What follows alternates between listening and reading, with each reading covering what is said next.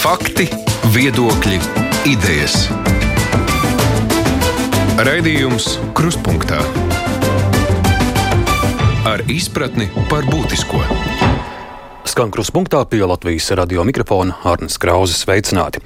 Šī ir tā diena nedēļā, kad iztaujām, iztaujājam kādu no valsts augstākajām amatpersonām, un šodien kārta tieslietu ministram Jānim Bordānam. Sveicināti, ministra kungs! Labdien visiem! Labdien, protams, kā ar vienu iespēju klausītāji jums uzdot savus jautājumus. Mūsu tālruņa 6722, 888, 672, 559, un mudinu jūs arī rakstīt uh, e-pastā mums kruspunkta at Latvijas radio.clv. Un savu jautājumu ministram būs arī kolēģiem žurnālistiem Ines Helman, portāla Latvijas vēstnes žurnāliste. Labdien! Labdien! Un arī kolēģis Kārlis Arājs, Delfi žurnālists. Sveiks! Sveiki! Bordānkungs, īsi es sākšu. Vakar skatījos kolēģa Rēdera viens pret viens interviju ar bijušo valsts prezidentu Valdu Zatleru un runājot par rokādēm valdībā, par darbu uzteikšanu veselības ministrē Ilzē Viņķelē, viņš teica, ka valdību vajadzēja sapurināt. Nu, vai jūs tagad jūtaties tā kaut nedaudz sapurināts un kā savā komandā esat pieņēmuši jauno kolēģi? Uh, jā, es, paldies, es jūtos.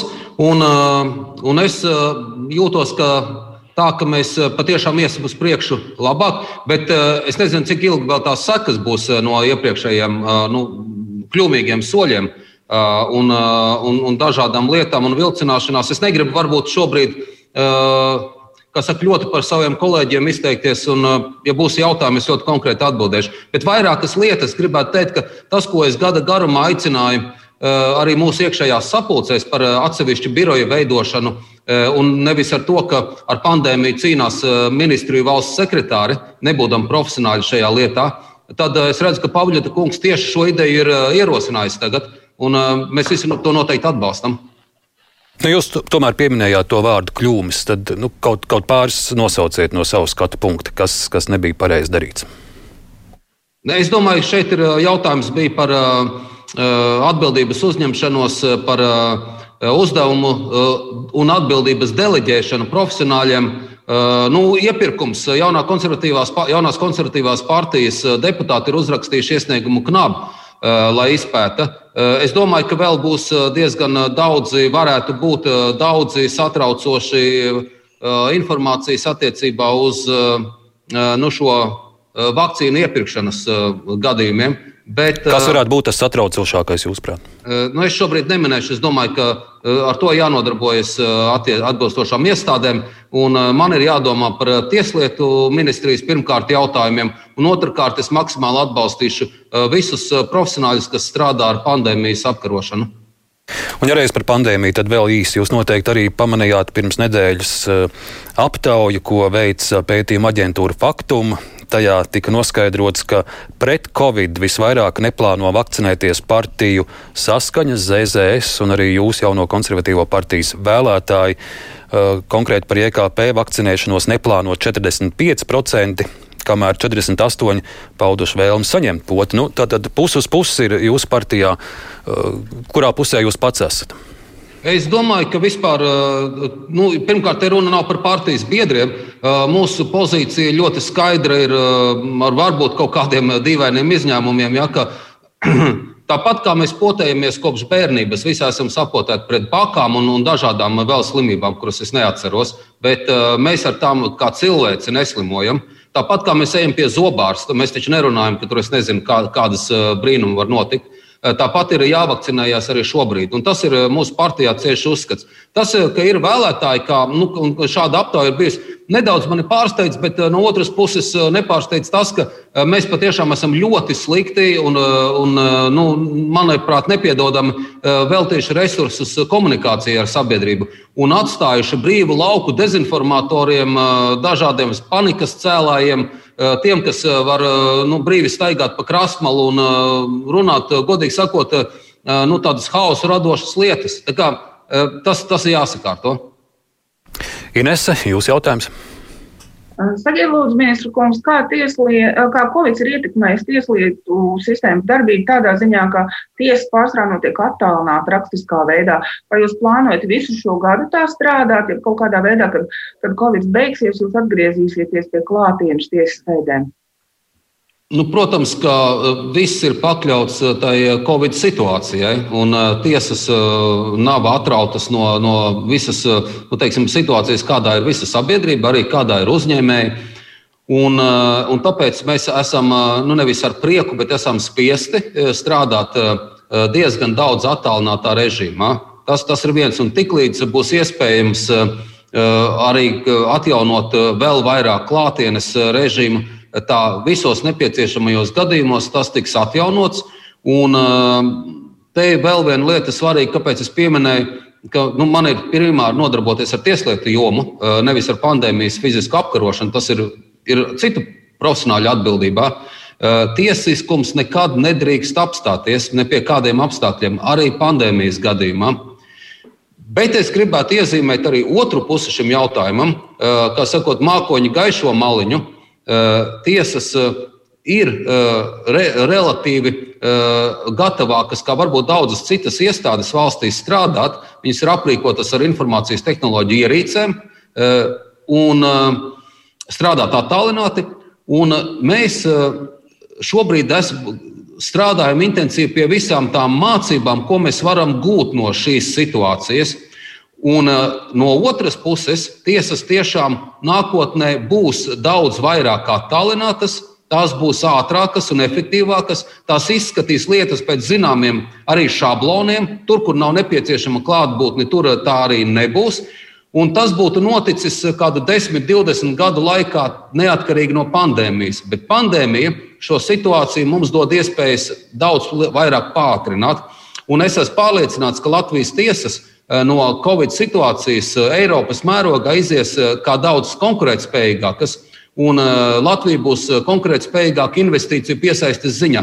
Mums tas dos labumu, visai sabiedrībai dos labumu, ka Latvija būs pievilcīga ekonomiskajai darbībai Tas pats attiecas uz, piemēram, uzņēmumu reģistru, kas arī ir Tieslietu ministrijas aprūpē. E, mēs rūpēsimies, lai novecojošās 98. gadā ieviestās e, programmatūras un, un sistēmas būtu atjaunotas ar jaunām sistēmām, jo mums būs jākonkurē ar Dānijas uzņēmumu reģistru un tā tālāk.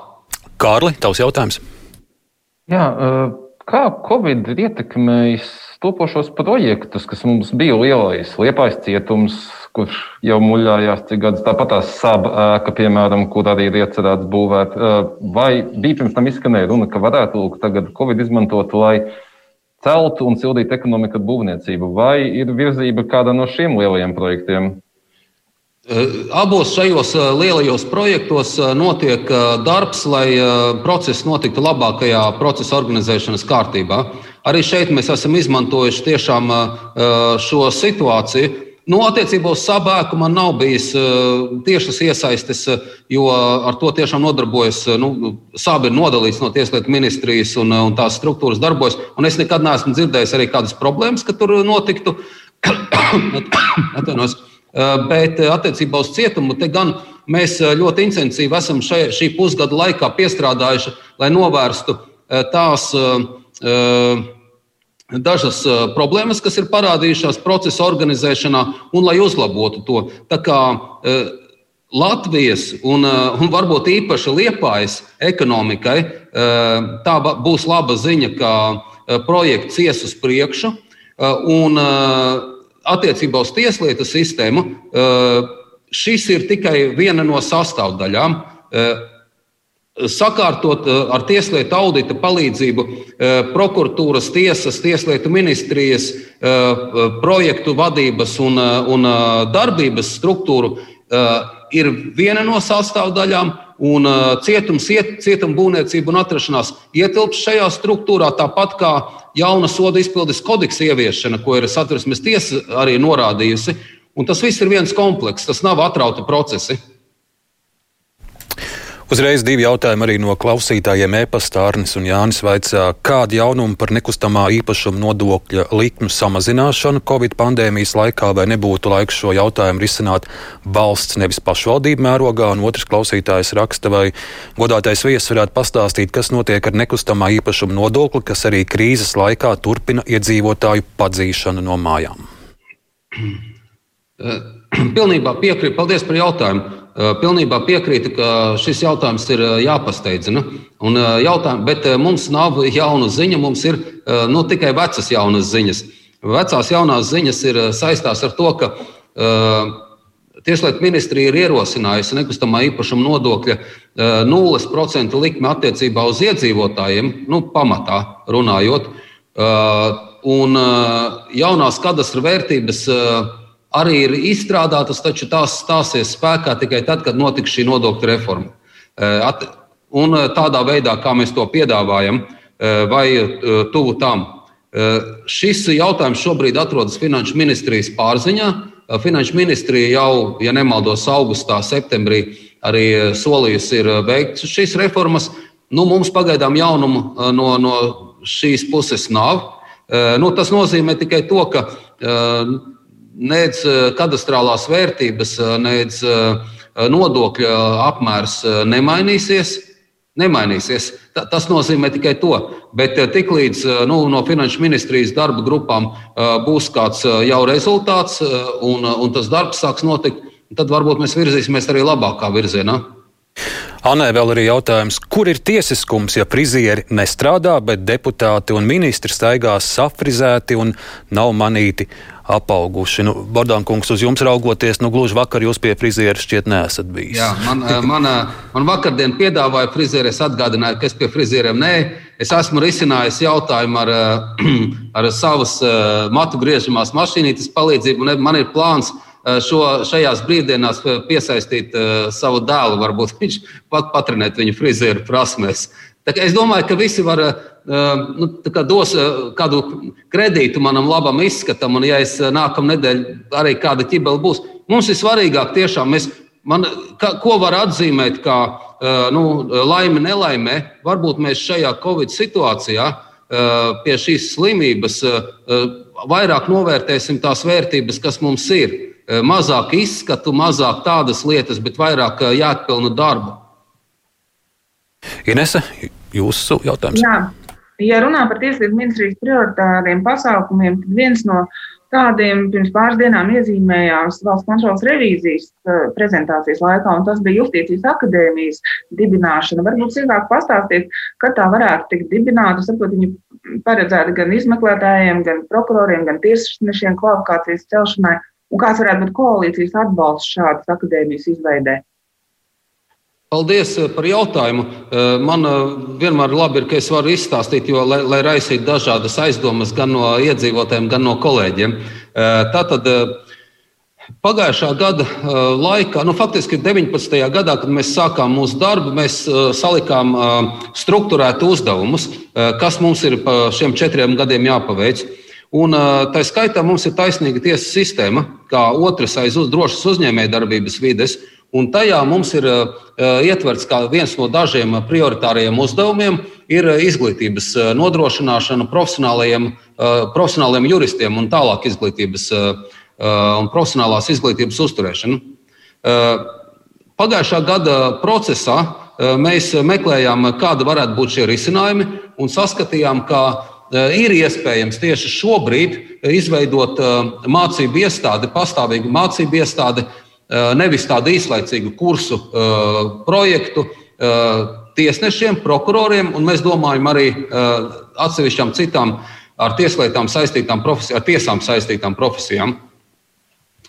Šobrīd Covid apstākļos ir kļuvušas arī iespējami pieejas pie Eiropas atjaunošanas fondiem, un Tieslietu ministrija tieši kā savu pašu pirmo prioritāro nu, teiksim, fonda izmantošanas mērķi ir iezīmējusi izglītības, izglītības celšanu tieslietu sistēmā. Un, kā mēs esam saredzējuši šādu tieslietu vai justīcijas akadēmijas izveidošanu. Tas ir pirmais punkts. Un tad iznāca tā, ka mūsu arī izsludinātajā un uzsāktajā tieslietu auditā, kurš no, pabeidzās arī tieši pagājušā gada nogalē, un šonadēļ mēs prezentējam. Tas arī bija norādīts no ekspertiem kā viens ļoti svarīgs uzdevums, kā viena no prioritātēm. Nu, tad mēs redzam, ka mēs esam gājuši pareizajā virzienā. Un, uh, iesaistot visus, gan pirmkārt Tieslietu padomi, gan arī visus kolēģus, kas ir uz ko attiecas šī institūcija - mācību spēkus, tiesnešus, prokurorus, advokātus, notārus. Viņus iesaistot, mēs pieņemsim labāko lēmumu, kādā veidā tas notiks. Man ir ideja, ka, un es uzaicināšu vai izteikšu piedāvājumu valsts prezidentam Egilam Levitam, kurš arī zina par šo ideju, un vakar viņš par to, dzirdēju, pozitīvi izteicās, kļūt par šīs justīcijas akadēmijas patronu. Manuprāt, viņam tas patiešām piestāvētu.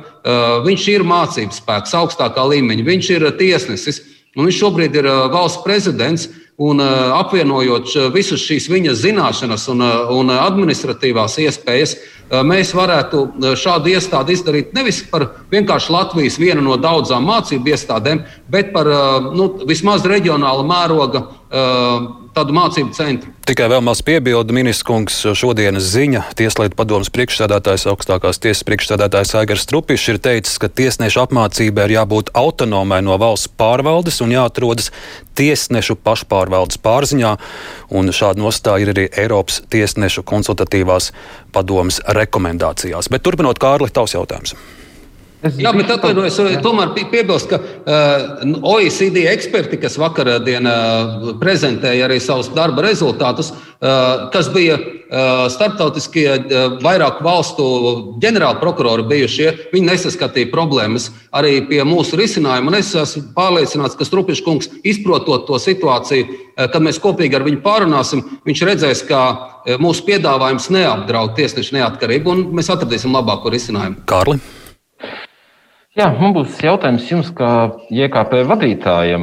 Un tas būtu konkrēti par rītdienas saimā tiks skatīti sākotnēji šie grozījumi satversmē, ko rosinājusi Nacionālās partija Nacionāla apvienība. Un man jautājums, vai tas neiet pretrunā ar valdības sadarbības līguma punktu, kur ir minēts, ka šie satversmes grozījumus var lemt tikai tad, ja ir vienprātība koalīcijas partneru lokā. Un te mēs, nu, ir jau attīstībai pār, piemēram, skaidrs teiksies, ka viņi neatbalsta šādus. Vai nu, vispār šāds rosinājums arī jums, kā nebija kā pārsteigums, un arī kā balsos jūsu partija. Tātad, lai klausītājiem skaidrība, tie ir Nacionālās apvienības virzītie grozījumi satversmes 110. pantā, kas paredz konstitucionāli nostiprinātas sievietes un vīriešu veidotas ģimenes jēdzienu. Jā, e, nu, protams, līdz ar, tie, ar pieteikumu satversmes tiesā, ko iesniedz nu, liberālie politiķi, un Un attiecīgo satversmes tiesas spriedumu, par ko ir ļoti daudz arī runāts, bijis, un es domāju, ka arī turpmāk runās, un mēs Tieslietu ministrijā analizējam šo mums izpildāmo spriedumu. Mēs saprotam, ka ir izsists zināms līdzsvars sabiedrībā un raisīta disharmonija. Tas radīs dažādu veidu konfliktus, kas ir neizbēgami. Un, un tas ir diezgan būtiski liels izaicinājums arī juridiski. Nu, Nacionālās apvienības deputāti ir iesnieguši kā atbildes gājienu šādu projektu. Un es esmu pārliecināts, ka nu, mēs arī koalīcijā turpināsim analizēt situāciju un pieņemsim kaut kādu kopīgu risinājumu. Un arī tas tiks nu, analizēts šai, šī koalīcijas līguma no aspekta, no koalīcijas līguma griezumā. Mēs arī iestājāmies par cilvēku cieņu. To pašu arī aicinām no, no nu, saka, mūsu liberālajiem kolēģiem. Un, Nedalīsim cilvēkus pareizajos, nepareizajos un analizēsim situāciju. To, kā lems jaunās konservatīvās partijas biedri, ceturtdien to izlems frakcijas dalībnieki. Man nu, nav paziņota galīga atbilde, kāda būs pozīcija jaunai konservatīvai partijai. Bet es domāju, ka arī tajā gadījumā, ja šis likumprojekts tiks nodots Eh, Saimas eh, komisija, kādai no komisijām, eh, tad tas jau darbs tikai iesāksies un turpināsies. Tas jau nebūs vēl pieņemts likums. Nu, tā. no, Bordāna kungs, premjerministrs Kariņš teica, ka šis jautājums nav tā svarīgā kā aktualitāte, pie kuras tagad būtu jāķeras un kurai būtu jātērē laiks, kas šobrīd tik svarīgs ir valdībām. Jā, bet kā jau minēju, nu, liberālā spārna politiķi uzsāka šādu procesu, un nu, tas process ir iesākts. Mēs nevaram tik vienkārši izvēlēties, laiks vai nelaiks. Es arī, uz, es arī tiešām uzskatu, ka vienzimumu pāru attiecību problēmas nu, tas nav primārākais uzdevums, kas šobrīd būtu jārisina. Šajā brīdī varbūt iesaistīsim arī pat tālu un klausītāju daudz zvanu.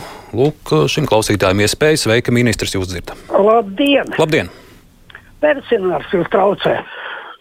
Jautājums ministra kungam. Sakiet, lūdzu, kad tad pagāja, kad jūs stājāties, var sakot, saimās solījums bija, kad ne, neuzliks vienīgā mājoklim nodoklī, bet nu, pusgadu vairāk ir klusums un nezinu, kas tad būs. Es domāju, ka tiks pieskrūvēts vēl vairāk.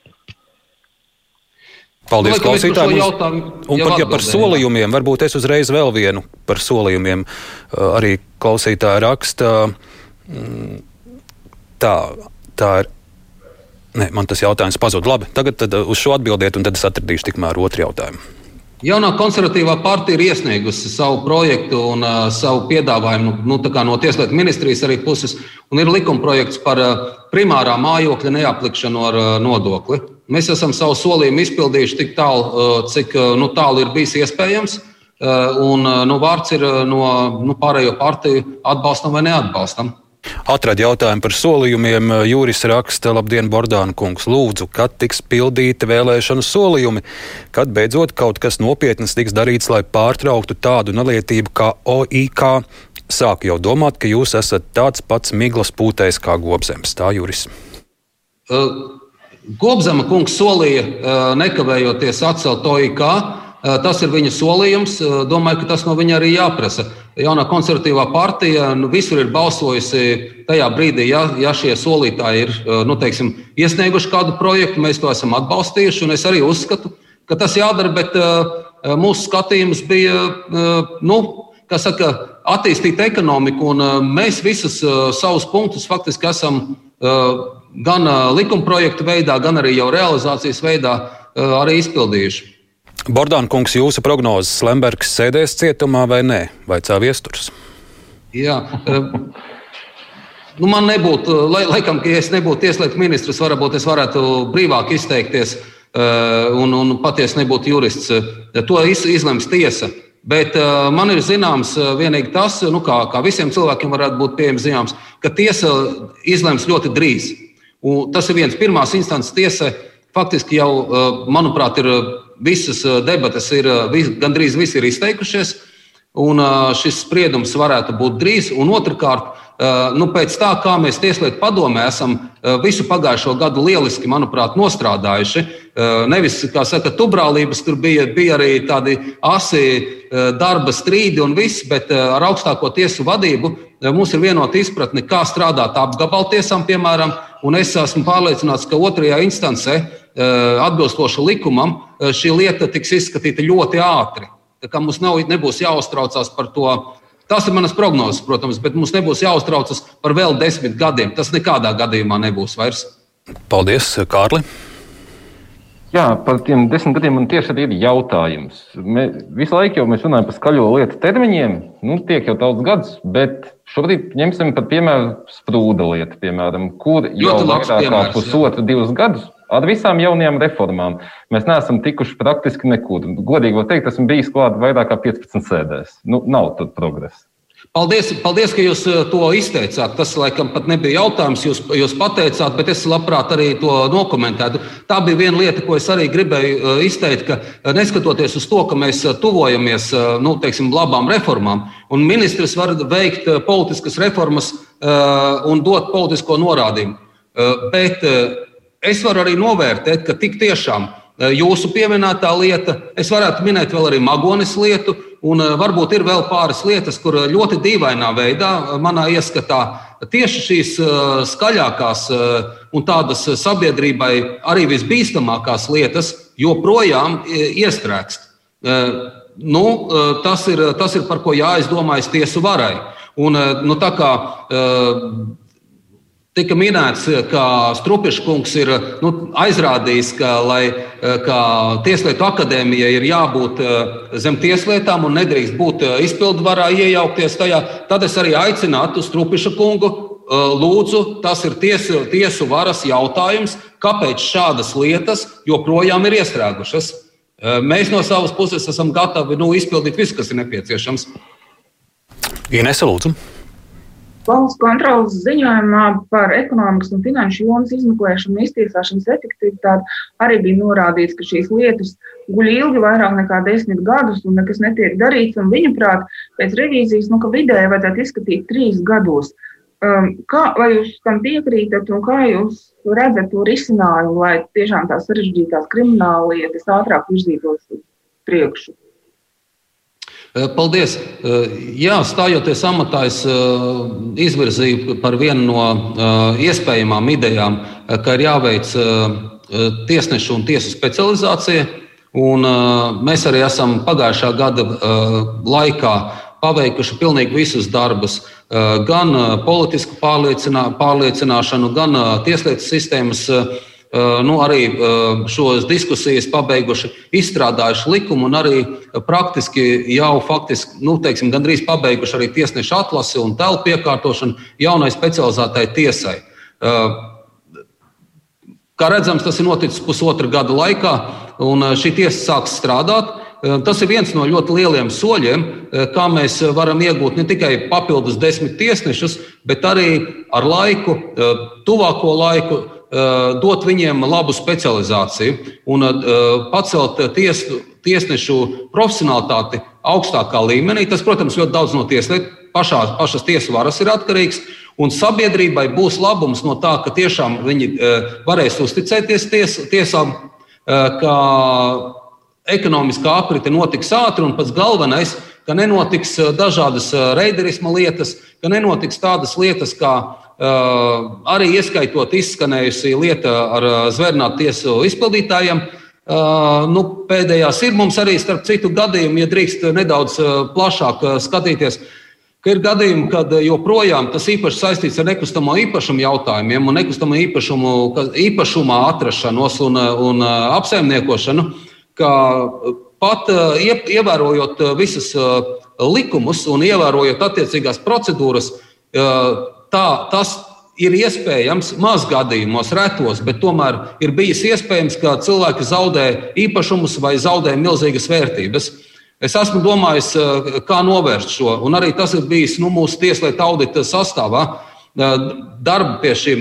Eh, viens no risinājumiem, ko nu, mēs izstrādāsim un visdrīzāk nāksim klajā, ir izveidot arī īpašu garantiju fondu, kur tajos gadījumos, kad likumi ir pilnībā ievēroti, bet uh, rezultāts ir bijis netaisnīgs, ka, piemēram, cilvēks, kurš ir iegādājies dzīvokli, uh, pārliecinājies, ka šim dzīvoklim nav apgrūtinājuma, bet kaut kādu noziedzīgu darbību dēļ viņš zaudē šo īpašumu, ka valstī Un, un tad mēs redzam, ka nu, praktiski valsts zaudēs eh, jebkādas starptautiskas tiesvedības šādā gadījumā, ka valsts ir pienākums eh, atrast veidu, kā kompensēt šādus gadījumus. Bordāna kungs, bet īsi jūs daudz. pieminējāt jau šo stāstu manai kolēģi Ilzē Jaunāksnē pagājušajā svētdienā bija patiesi eh, sirdi plošos stāsts par, par šo kundzi, kur zaudēja nevienu dzīvokli, bet arī visus mūža iekrājumus. Nu, ka, ko viņai varētu palīdzēt tagad? Šāda fonda jau vēl nav, nauda zaudēta.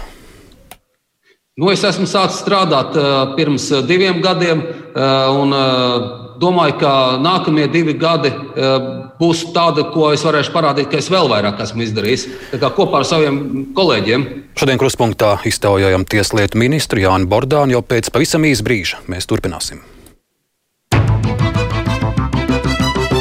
Raidījums Krustpunktā. Klausītāji aicinu jūs arī pa tālruni uzdot jautājumus 6722, 888, vai 672, 559, Un akurāt ar klausītāju jautājumu arī turpināsim. Sveiki, Lūdzu! Labdien, man ir divi īsi jautājumi. Pirmais, vai, vai veselības ministrijai Viņķilē ir kaut kāda tiesiska atbildība par to, ka viņas vārdiem runājot, tā bija kļūda un tik daudz vakcīnas netika pasūtīts, un Latvijā nu, tas būs diezgan arī nāvējošas sekas daudziem cilvēkiem. Otrs jautājums ir sekojošs. Kā ir ar ārstu, ārstu tiesības ir nevakcinēties, bet kādas ir pacientu tiesības zināt, kurš ārsts ir vakcinēts un kurš nevakcinēts un pie kura var droši iet. Paldies! Paldies! Ļoti aktuāli jautājumi. Par pirmo jautājumu, es domāju, tur varēs izteikties tiesību sargājušās iestādes, kur, kurām ir pienākums no manas, manā uzskatā ļoti rūpīgi izvērtēt, pat neatkarīgi no tā, vai ir iesniegumi bijuši vai nav iesniegumi, bet ļoti rūpīgi izvērtēt pat iespēju, ka šeit nav kāda apzināta rīcība vai kāda nolaidība. Kā rezultātā patiešām šis ir, šis ir ļoti liela krīze un, un var nodarīt nepatikšanas un pat dzīvības zaudēt cilvēki. Otrs jautājums par, jā, bija par vakcinēšanos, obligātumu, neobligātumu. Tur bija vēl precīzāks jautājums, vai vajadzētu varbūt publiskot to mediķu vārdus, kuri ir vakcinējušies un kuri nav. Un tad cilvēks, teiksim, pie tā mediķa, kurš ir vakcinējies, viņš varbūt daudz drošāk jūtas, ejot vizītē. Arī tas ir labs risinājums cits starp. Man patiešām nav izprotams tas, ka profesionāli cilvēki, tieši mediķi, no kuriem es sagaidītu nu, tādu atbildīgu rīcību, tomēr nu, atsakās vakcinēties. Es sagaidītu viņu skaidrojumu, jo šādiem gadījumiem jābūt nu, atklātiem un publiskiem. Man, kā nemediķim, tas nav skaidrs. Es labprāt dzirdētu tiešām. Nevis sākt apsūdzēt kādu vai norādīt, kas tagad jādara, būt obligāti vai, vai piespiest kādu vakcinēties. Bet es joprojām esmu tikai dzirdējis dīvainus gadījumus, kad ārsts atsakās to darīt, vai mediķi ja, teiksim, atsakās to darīt, nepaskaidrojot iemeslu. Man, man tas nav saprotams. Nu, te vienīgi tas, ko mēs redzam, mēs nevaram vispārināt par visiem mediķiem. Rīgā, piemēram, Stradiņā slimnīcā ļoti daudz mediķu vakcinējas. Pilnīgi cits stāsts ir Daugaupils slimnīcā. Jā, šeit, protams, es nekādā gadījumā negribētu nu, norādīt uz visiem mediķiem kopumā. Tas ir tiešām attiecībā uz tiem, kur ir, kuriem ir piedāvāts un viņi ir atteikušies. Un tas nav vairākums, to es arī apzinos. Kārli? Jā, pirms pāris gadiem intervijā runājām, un jūs arī minējāt, ka tas, ka finanšu ekonomiskajos noziegumos tiek piemērot nosacīts, soda, zināmā mērā vairo tādu kā nesodāmības sajūtu. Un tad man jautājums, ko Tieslietu ministrija tieši jūsu vadībā ir darījusi, lai varbūt mainītu šo sodu politiku tieši šajos finanšu noziegumos, kur jā, reizēm ir reāli cietumsodi, bet tāpat tās prevalē šie nosacītie sodi, kas tiek piešķirti un soda naudas, kas finanšu noziegumos reizēm pat šķiet samērā ironiski piešķirt soda naudu. Jā, šis, eh, šis patiešām ir jautājums eh, tiesu varai, eh, kā viņi piemēro likumus. Manā ieskatā likuma dod iespēju pilnībā piemērot šos sodus. No tieslietu audita, ko mēs esam veikuši, izrietēja divas lietas. Viena, ka ir zems izmeklēšanas līmenis, un vainīgi, starp citu, nav izmeklētāji vai, vai prokurori vai tiesneši tiešā veidā, bet attiecīgo iestāžu darba organizācija. Eh, un otrs ir izglītības problēmas, nu, tieši šīs profesionālās izglītības problēmas, ka ļoti dažādi mēdz būt pat, ka izmeklētāji un tiesneši dažādi izprot uh, tiesību normas. Nu, to visu mēs uh, novēršam uh, tieši ar tiem pasākumiem, ka mums šobrīd ir jāievieš tieslietu auditā starptautisko un vietējo ekspertu dotie norādījumi, kas, kā būtu jāorganizē darbs izmeklēšanas iestādēs, prokuratūrā, tiesās. Un šo Šogad ieceltie eh, visu šo iestāžu faktiski jaunie vadītāji. Mums ir eh, gan policijā, gan eh, augstākajā tiesā, gan ģenerāla prokuratūrā jauni vadītāji. No visas manas komunikācijas viņi brīnišķīgi saprot situāciju. Daudz labāk nekā es izprotu, kā var strādāt ar saviem darbiniekiem un profesionāļiem. Un es patiešām varu paļauties uz viņiem un dot visu savu atbalstu. Bet uh, pilnīgi noteikti nav nepieciešams uh, sākt uh, Tieslietu ministrijai mainīt likumus, palielināt, so, teiksim, tur, so, nu, ko varētu iedomāties, kaut kāda soda bardzība palielināt, jo soda bardzība ir pietiekama. Likumos, kā saka, tiešām to pamana. Sabiedrībai būs rezultāts uh, no visas tās mūsu darba kopīgā, uh, kopīgā darba.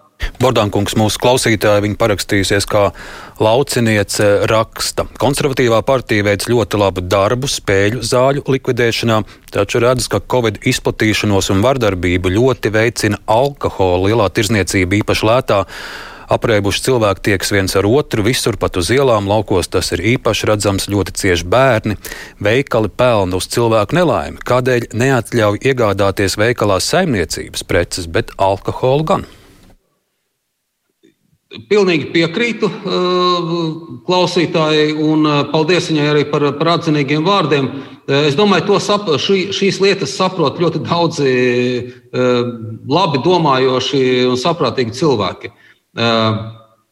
Lēmums, starp citu, par to, kāpēc alkoholu atļaut tirgot, izrietēja no bailēm. Tas bija tāds kopīgs, varbūt, kabineta lēmums. Izrietēja no bailēm par to, ka tas varētu alkohola tirdzniecības eh, aizliegums varētu veicināt nelegālo alkohola tirdzniecību. Bet eh, nu, konservatīviem eh, politiķiem varbūt, un liberāliem šeit ir atšķirīgi uzskati. Konservatīvi vairāk sliedzas tiešām arī uz aizliegumu ieviešanu lietām, kuras cilvēki atkarības dēļ nespēja kontrolēt. Un tas ietver gan, kā tika minēts, azartspēļu plašo izplatību, ja tā kā saka, uzbāzšanos ar azartspēlēm, un, uh, un pēc tam šīs azartspēļu teiksim, nu, organizētāji savu peļņu ieguldīja politiskos projektos. Bet līdzīgi ir arī ar alkohola tirdzniecību. Nu, citiem politiķiem ir ieskats, ka jāregulē, ka to noregulē pati dzīve. Tā kā, tādā uh, griezumā būs atkarīgs, kā vēlētāji balsos. Droši vien. Nu, Tad jaut... būs aizliegšana vai nē. Atkal jautājums par tālruni. Lūdzu, jums vārds. Labdien, Bordānkungs! Man viens tāds Labdien. jautājums par īpašumu mantošanu. Teiksim, vecāki raksta testamentus kādam no bērniem, bet pārējie bērni tiek apdalīti. Vai šis likums ir taisnīgs? Vajadzētu, man liekas, viņu atcelt. Paldies! Paldies! Civillikumā šīs uh, situācijas ir aprakstītas. Un, uh, nu, uh, tam, kuram, kurš dzīves laikā ir uzkrājis kādu mantu, ir pastāv arī tiesības novēlēt mantojumu. Un cits starp nepilnā apmērā. Es šobrīd ne, neiešu detaļās par cik daudz procentiem tomēr ir neatraidāmi mantinieki. Tā, tāds ir teiksim, šī daļa.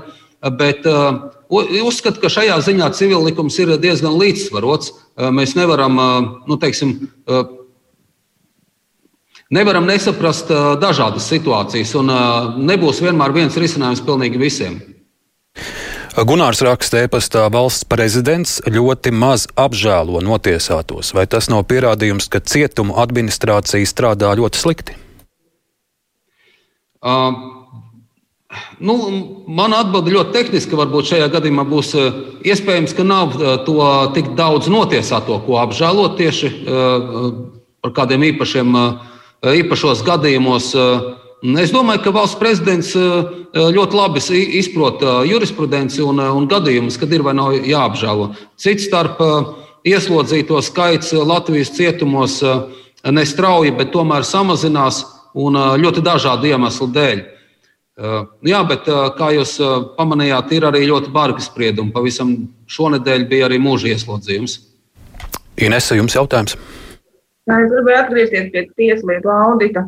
Tur bija tāda secinājuma, ka prokuratūrai ir nu, absolūta tāda neatkarība, un tā ir mazliet tā pārprasta neatkarība, un ka tomēr būtu jāatskaitās par darba efektivitāti, uzdevumu izpildu, izlietotiem līdzekļiem.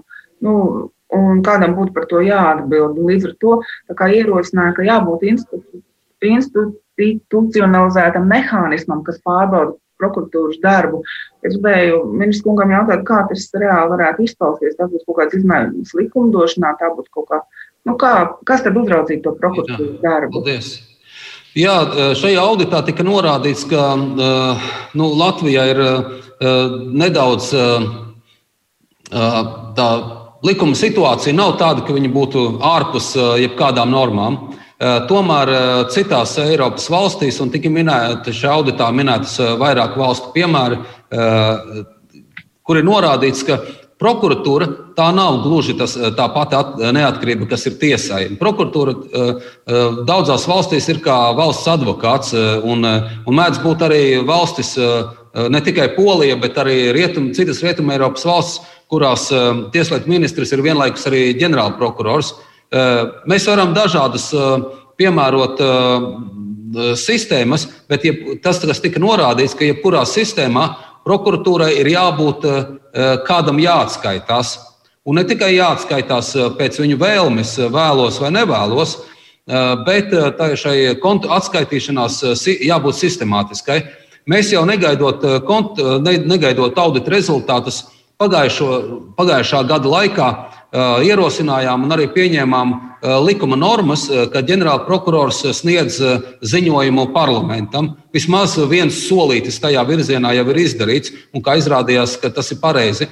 Bet mēs nekādā gadījumā ne, nu, nedomājam pakļaut prokuratūru kādai izpildvaras kontrolei, nu, atņemt Eh, neatkarību, bet eh, kopīgi ar eh, visiem tiesu varas institūcijām, Tieslietu padomē arī atrast labu risinājumu. Un tas ir tāds praktisks un zinātnisks darbs. Mums šobrīd Tieslietu audits ir iedevis ļoti labu materiālu.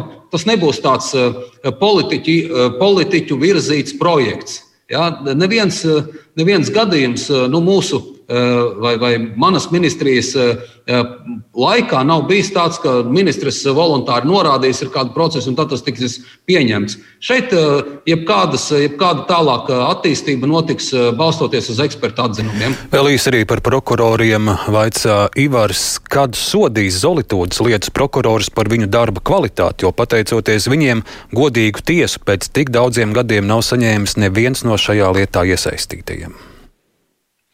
Jā, es domāju, ka mēs noteikti redzēsim, kā process attīstīsies jaunā ģenerāla prokurora vadībā.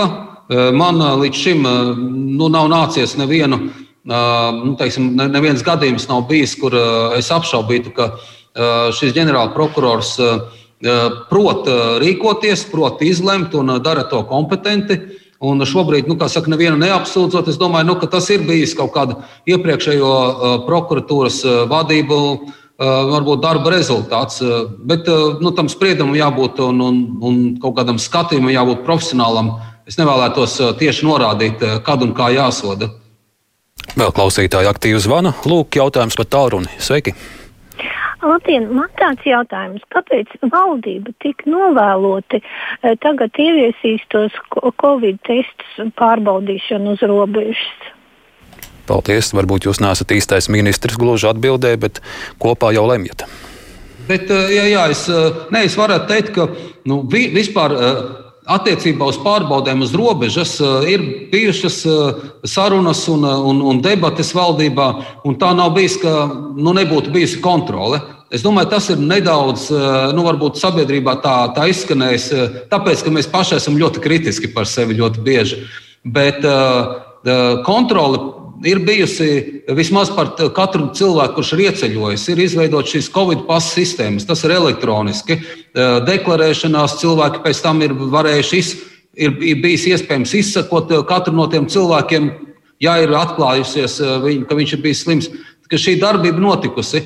Piemēram, par lidostām es, es esmu diezgan, šeit gan es piekrītu arī tiem ekspertiem, kas agrāk izteica, ka nevajadzētu lidostās uzreiz pie nu, ieejas punktiem rīkot kaut kādas pārbaudes uz tur, kur rindā visi stāv. Tas noteikti tikai vairotu saslimšanu.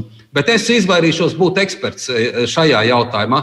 Mēs piekritām, un tā arī būtu jābūt tiem norādījumiem, kā eksperti to rādīja. Tie bija epidemiologi, drošības eksperti. Eh, viņi analizēja, kā tieši Latvijā vislabāk to ir ieviest. Anete e-pastā vaicā, labdien, paskaidrojiet, lūdzu, kādā statusā ir jūsu partijas deputāta Sevas Mārtūžas lieta ir it kā viltotiem viņas e-pastiem, it kā uzlaustu saimas deputātas datoru it kā brāli ar visām šīm situācijām, vai jūsu partija plāno lūgt deputātei nolikt mandātu. Nu, es pieļauju, ne visi mūsu klausītāji sako tam, kas notiek Twitter un Facebook burbuļos. Es zinu, ka Kārlis ir šim stāstam sakojis. Varbūt tu vari pavisam īsi, lai klausītāji arī saprot, ap ko lieta grozās, pastāstīt, un tad arī jautājums ministram. Jā, īsa versija tāda, ka Jaunietis bija nosūtījis virknē saimnes deputātu jautājumu un lūgumu, principā balsot pret uh, šī 710. panta grozījumiem rītdien nodošanu komisijai.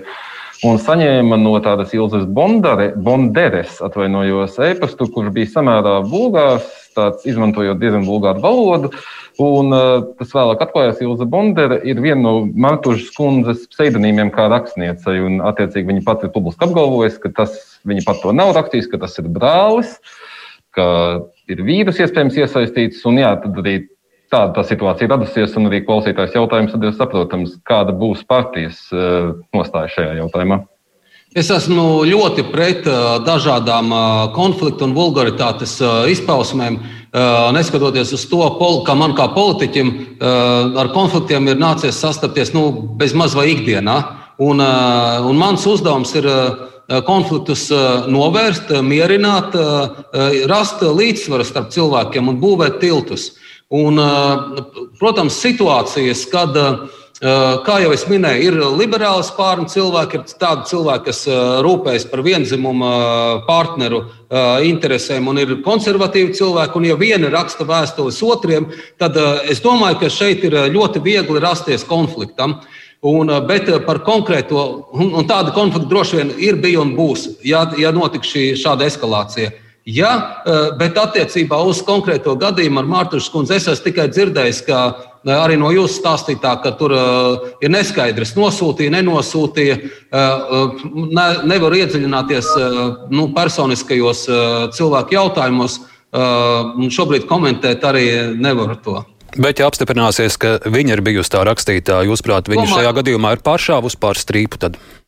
Nav ne jausmas, kas ir bijis. Protams, tad, kad kaut kas apstiprināsies, tad es varēšu par to komentēt. Bet, kā jau minēju, šobrīd ir patiešām ļoti daudz svarīgāku jautājumu un nekā pievērsties nu, liberāla un, godīgi sakot, tāda seniora, cienījama vecuma rakstnieces, kura ir vienmēr paudusi konservatīvus uzskatus. Ja, Protams, ja viņu provocē uz nu, teiksim, viņas vērtības, tad tur var rasties dažādi attieksmi. Bet es vienmēr esmu bijis pret vulgārām izpausmēm. Vēl ir maijai jautājums, kā ministrs vērtē šīs saimas deputātu pietiekami lielu iesaisti dažādās tiesvedībās. Šķiet, ka iepriekš tik daudz vēl nav bijis. Arī nu pat es skatos, Leta ziņo, tiesai nodota izkrāpšanā apsūdzētā saimas deputāta Adamoviča lieta. Um. Adamoviča lieta un visas pārējās krimināla lietas ir diezgan atšķirīgas manā ieskatā. Bet patiešām šis sasaukums ar to ir raksturīgs, un tam ir viena pozitīva iezīme. Tie deputāti, kuri nu, laikam tur darbības sākumā ir bijuši apsūdzēti, viņi ir bijuši lielā mērā trauksmes cēlāji, ne visi. Bet nu, es vismaz varu teikt par vienu deputātu, pilnīgi absolūti to. Un pret viņiem cīnījās tā sistēma, pret kuru cīnīties nāca jaunā konservatīvā partija. Un iespējams arī no, no citām partijām deputāti ar tīru sirdi nāca cīnīties pret to sistēmu. Sistēma vienkārši savas pozīcijas neatdod. Un ļausim tiesai izlemt šos gadījumus, un pēc tiesas runāsim par secinājumiem. Un tie secinājumi būs jebkurā gadījumā Latvijas sabiedrībai veselīgi. Latvijas sabiedrība iegūs no šiem procesiem, no šīm trauksmes celšanas situācijām, un arī no tā, ka mums ir pamainījies parlamenta sastāvs. Tagad lielā mērā tur ir satraucošas, bet arī labas ziņas no šīs situācijas izrietošas. Ines, jūs jautājums? Jā, jūs esat izteicies, man varbūt no citas, cita, cita veida jautājums. Jūs esat izteicies, ka bērnu tiesību aizsardzības jautājumi ir prioritāte tieslietu ministrijai un ka gat, ministrija gatava uzņemties rūp par šo jomu. Kas notiks ar bāriņu tiesām, kad tiks izveidot jaunie administrīvā, jaunās administratīvās teritorijas? Vai jūs ministrija par to domājat? Paldies eh, par jautājumu. Un, uh, vispirms, patiešām tā ir eh, Tieslietu ministrijas rūpe un, un arī jaunās konservatīvās partijas viena no prioritātēm. Un mēs esam diezgan jau varbūt arī ar rīcību iezīmējuši šo, šo rūpu un kā mēs to saredzam. Diemžēl Bāriņtiesas nav Tieslietu ministrijas kompetencē. Neskatoties to, ka tām ir nosaukums tiesa, tas ir labklājības ministrijas eh, jau, eh, nu, pakļautībā esošas eh, joma. Un arī bērnu sociālā aprūpe un, un nu, šie jautājumi ir labklājības ministrijas jomā. Mēs esam gatavi no Tieslietu ministrijas palīdzēt tajā, un esam arī piedāvājuši risinājumus. Visu šo divu gadu laikā mēs esam paguvuši tiešām izstrādāt savus piedāvājumus vairākos soļos, kā ieviest tādu sistēmu, kāda mums pastāv valstī vienota nevis rūpe par bērnu sociālajām vajadzībām, bet par bērnu tiesībām. Šobrīd mēs neesam vēl sadzirdēti valdībā, gan no premjera, gan no citiem kolēģiem, lai ieviestu to sistēmu, ko mēs piedāvājam. Nu, līdz ar to sarunas pagaidām ir nu, nu, iet uz priekšu. Nu, ta, tas ir Tieslietu labklājības ministrijai ir jāparāda, kāds risinājums tad notiks tajā brīdī, kad stāsies administratīvā, administ, jaunie administratīvie reģioni spēkā. Patiešām tur varētu būt, būt lielas problēmas. Bet, bet ja pieņemtu mūsu risinājumu, tad, tad patiešām gada laikā mēs domāju, varētu ļoti lielā mērā Eh, bērnu tiesības pārvērst par pirmkārt lokālu risinājumu, ka ar to ļoti daudz nodarboties profesionāli uz vietas pašvaldībās. Bet Tieslietu ministrija eh, ar visām savām zināšanām, eh, starptautisko pieredzi un, un arī ieinteresētību mēs varētu dot gan norādījumus, gan vadlīnijas, gan izglītību, gan arī zināmā mēra kontroli pār nu, šo, šo jomu. Paldies! Vēl... Tas notiks tad. Vēl jautājums par tālruni. Labdien, sveika, lūdzu. Šī līnija. Labdien, ministrs, jūs dzirdat? Labdien! Jautājums ministrs, uh, tieslietu ministram. Sakiet, cik ilgi vēl būs vajadzīga, lai būtu skaidrība par bērnu uh, slimnīcu attīrīšanu, aplopīšanu, ka tika piesabināti kā valsts tā arī sazīrotie līdzekļi. Tiesa var jau to jautājumu vēl vismaz piecus gadus. Vai konkrēto lietu varat komentēt? Ne, nevarēšu komentēt konkrēto lietu. Nu, ja tas ir jau nodots tiesību sargājošām iestādēm vai tiesai, tad, protams, tas ir tiesu varas. Vai tik tur jau nav spriedums, to Kārlis zinātu labāk? Nu, ja bērnu slimnīcas kukļošanas lietā stājies spēkā spriedums jau pērn, kur bija, es no galvas nepateikšu, bet, nu, portālos to noteikti var atrast. Man liekas, tur bija diezgan bargi sodi. Kārli, varbūt vēl tev ir kāds jautājums īsi. Uh, jā, īsais būs par to satversmes tiesu bišķi plašākā kontekstā, kur daudz deputātu pēc tieši šī sprieduma tēva pabalstu lieta ir izteikšies, ka satversmes tiesa konceptuāli varētu pat likvidēt un nodot tās funkcijas īpašai senāta palātai.